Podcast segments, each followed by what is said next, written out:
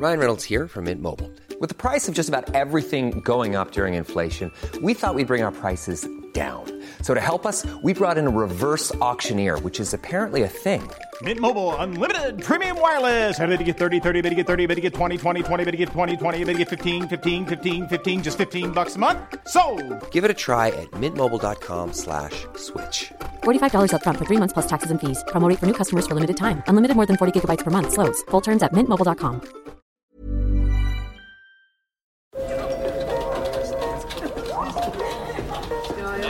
Dette er lyden av norsk næringsliv. Akkurat nå tas det små og store valg som kan bli avgjørende for fremtiden. Med økonomisystemet X-Leger tas disse beslutningene basert på informasjon i sanntid, slik at drømmer og ambisjoner kan bli virkelighet. Få kontroll og oversikt, gå inn på xledger.no. Denne sendingen er sponset av Xleger.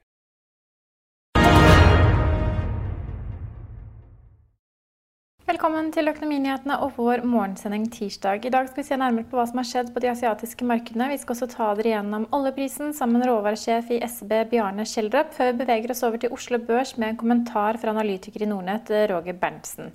Vi skal også gi dere en fersk oppdatering på koronatallene for Norge, men først altså til USA. I eh, USA så stengte børsene opp i går. Dow Jones la på seg 0,4% Nasdaq steg 0,7% mens SMP 500 steg også 0,4% Vi skal høre at vil ta minst tre år før amerikansk økonomi er tilbake etter covid-19. Michael, we caught up with the New York Fed President John Williams on this program last week, and he talked about looking to get this economy back to where it was pre COVID 19, pre the COVID 19 shock. Michael, I understand this is a guesstimate because we have very little information, especially on the science side, to understand what the trajectory of this recovery would look like. But if you had to take a guess, how long will it take to get back just to where we were at the start of this year? Well, at least in terms of the, the economists would measure that in terms of the level of GDP. When do we get GDP back to where it was in Q4 2019? Uh, you're right. There's a lot of uncertainty around that. I think uh, uh, the quickest you can get back there might be about you know 12 to 18 months. Our, our baseline would say more like three years. That uh, we could get an initial snapback here in the in the third quarter and perhaps into the fourth quarter.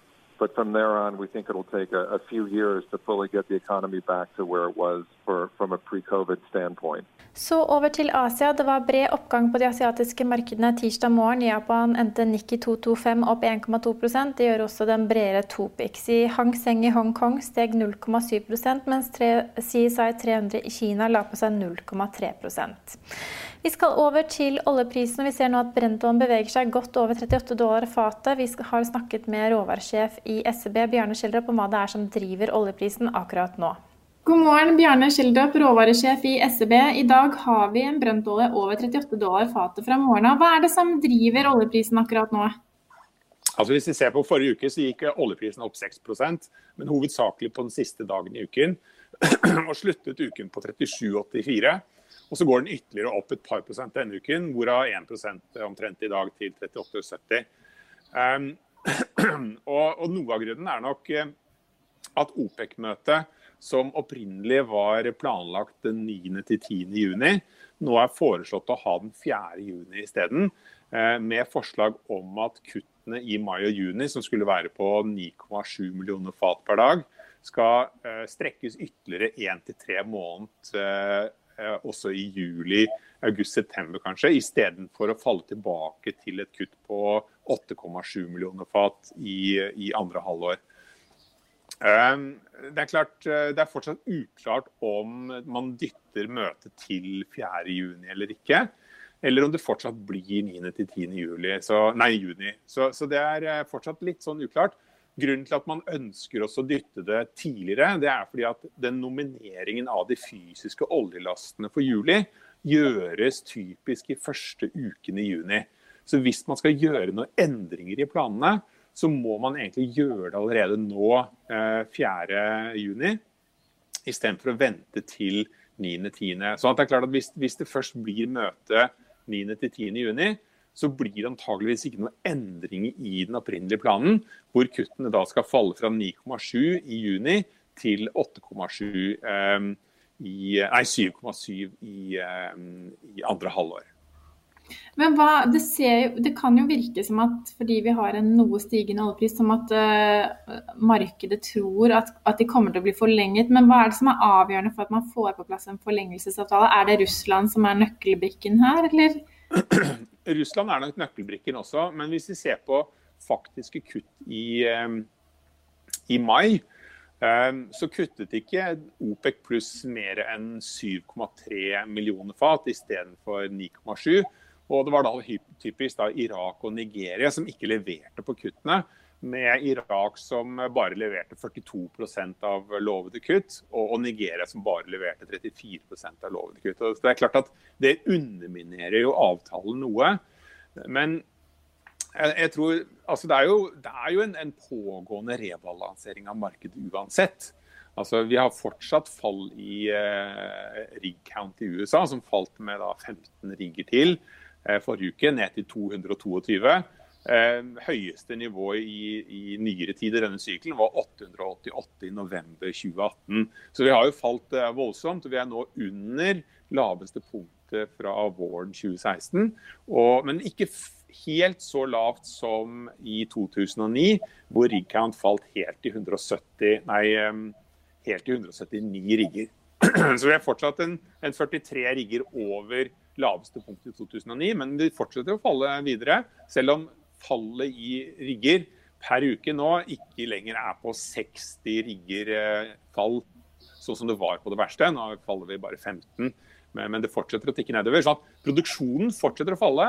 Konsumet er fortsatt på vei tilbake, og markedet er i en prosess av en rebalansering. Og, og, forventningen er at, at, markedet er balansert en eller annen gang i juni, som vi er i nå.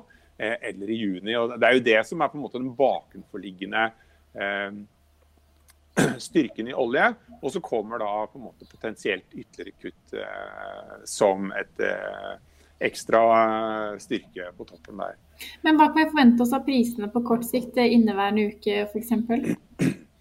Nei, altså Det er mye som står og faller på om, om det blir videre kutt eh, i neste tre månedene. At man holder nåværende kutt ytterligere én til tre måneder til.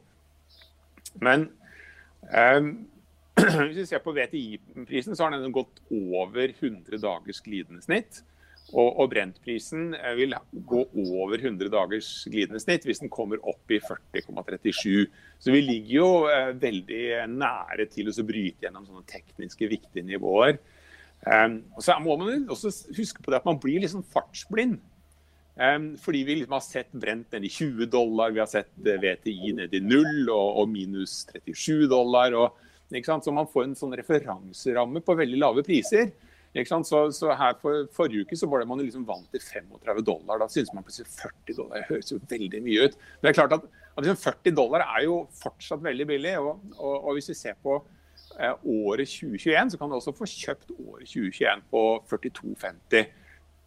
Altså Året i år kommer antakeligvis til å levere på 40, eh, omtrent. ikke sant? Så at det er jo fortsatt veldig lave priser. Og, og vi ser jo at, at underliggende produksjon i råolje i USA faller jo sånn ca. 600 000 fat per dag per måned.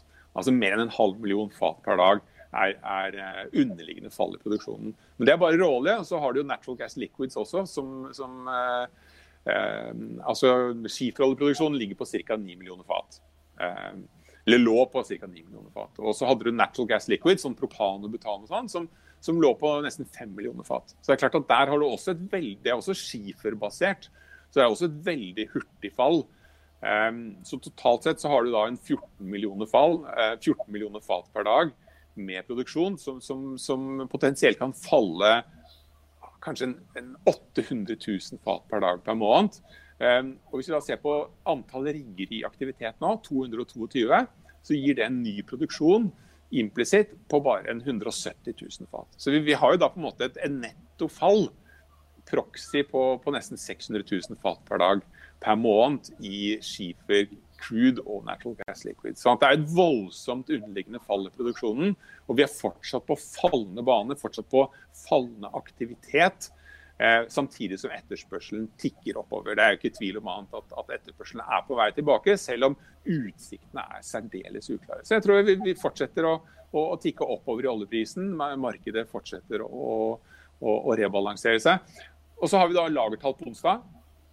Og, og, da er vi en gammel historie her, eh, tilbake fra når vi hadde priskrig mellom Russland og, og, og Saudi-Arabia. Hvor, hvor Saudi-Arabia da tilbød oljen sin på, på voldsomt sterkt rabatterte priser. Eh, 8-10 dollar eh, under referansepriser. Eh, så det er klart at amerikanske raffinerier kjøpte i bøtte og spann, som førte til at 30 eh, store crude carriers forlot Gulfen med retning US Golf. og de ankom jo da, har begynt å ankomme US Golf nå, og, og, og, fortsetter å ankomme.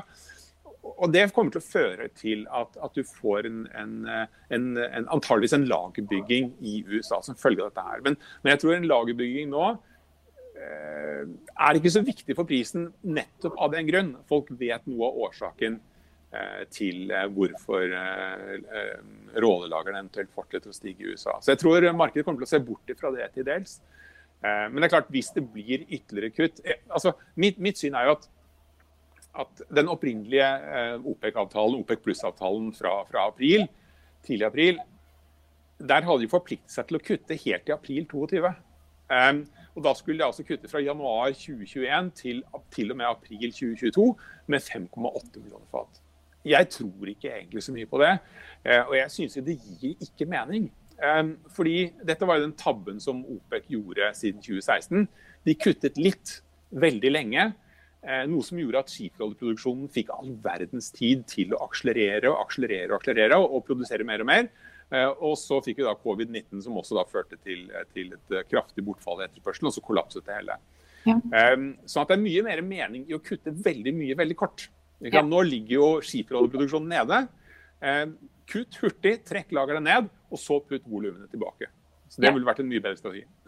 Så over til Oslo Børs. Det er oppgang på Oslo Børs tirsdag. Børsen holdt jo stengt mandag grunnet pinse, men vi er åpne igjen i dag og er altså opp fra morgenen av. Brentollen er som sagt over 38 dollar fatet, noe som virker positivt inn på oljeaksjene. Vi ser at Sidril har lagt frem tall for første kvartal. Inntektene falt med 19% til 321 millioner dollar. Resultat per aksje ble minus 15,6 dollar i kvartalet, mot minus 2 dollar i samme kvartal i fjor. Årsaken skal være oljeprisfallet i tillegg til eh, logistikkutfordringer knyttet til koronapandemien. Deretter skal vi ta med oss at Pareto nedjusterer kursmålet på Flex LNG fra 12 til 10, kroner, 10 dollar, men gjentar kjøp på aksjen. Bergen biolegemiddel testes nå på første pasient i studiet i Storbritannia. Det er altså legemiddelet Bemsentinib som nå testes på pasient. Prosafe har fått på plass en avtale med flertallet av långivere. Det dreier seg om lånefasiliteter på 1300 og 288 millioner dollar fra slutten av mai til slutten av juni. Så skal vi over til eh, analytiker Roger Berntsen i Nordnett for en børskommentar. Oslo Børs åpna opp 03 i dag. Det var i tråd med hva vi venta halvannen time før børsåpning. Impulsene fra Asia og USA de er gode. I tillegg så har jo oljeprisen steget bra gjennom helga. Forventningene til at eh, oljeproduserende lander kommer til enighet om å forlenge kuttene, er det som driver oljeprisen i det korte bildet. I tillegg så har dollaren svekka seg betydelig de siste dagene. Det er òg med på å presse eh, oljeprisen videre opp. Ellers er det jo òg eh, covid-19, kampen mot covid-19-viruset. Det er det som er drivkraften i aksjemarkedet. Enn så lenge så ser den kampen ut til, til å gå i riktig retning. Flere land, eh, bl.a. i Europa, er i ferd med å åpne sin økonomi igjen. Det samme er en del stat i USA. Episenteret, eh, derimot, eh, eh virus covid-19-episenteret, det er i ferd med å flytte seg ned til Brasil eller til Sør-Amerika. Men enn så lenge så er det jo disse herne små vekstimpulsene globalt som eh, preger markedet positivt i disse dager. Ellers skal vi òg huske på det at eh, vi nærmer oss høstens presidentvalg i USA. Og Trump han har spissa tonen. Han er enda krassere enn tidligere overfor Kina. Det, tror, eh, det, det, kan godt tenkes at det er en del av hans valgkampstrategi. Med andre ord så må vi forvente at eh, forholdet mellom Kina og USA kommer til å være relativt kjølig fram mot høsten. Ellers er det jo, for å summere opp, det er det kampen mot covid-19 som er det viktigste. Så lenge den går sin vante gang, så tror vi at uh, aksjemarkedene kunne, kunne holde seg uh, bra i, i de kommende månedene. Vi skal gi dere en kort oppdatering på koronatallene helt til slutt. Akkurat nå er det 8450 som er testet og bekreftet smittet av korona i Norge. Vi har om lag 28 innlagt på sykehus og 236 døde. Vi er tilbake med vår ettermiddagssending med Trygve Hegnar klokken 15.30. Og i mellomtiden kan du følge med på vår løpende nyhetsdekning på finansavisen.no. Morgensendingen er tilbake i morgen tidlig klokken 10.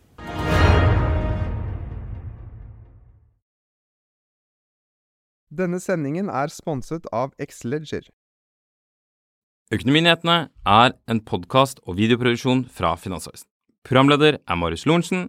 Aksjekommentator er Karl Johan Molnes. Produsent er Bashar Johar. Podkast- og videoansvarlig er Marius Mørk Larsen. Og ansvarlig redaktør er Trygve Hegnar.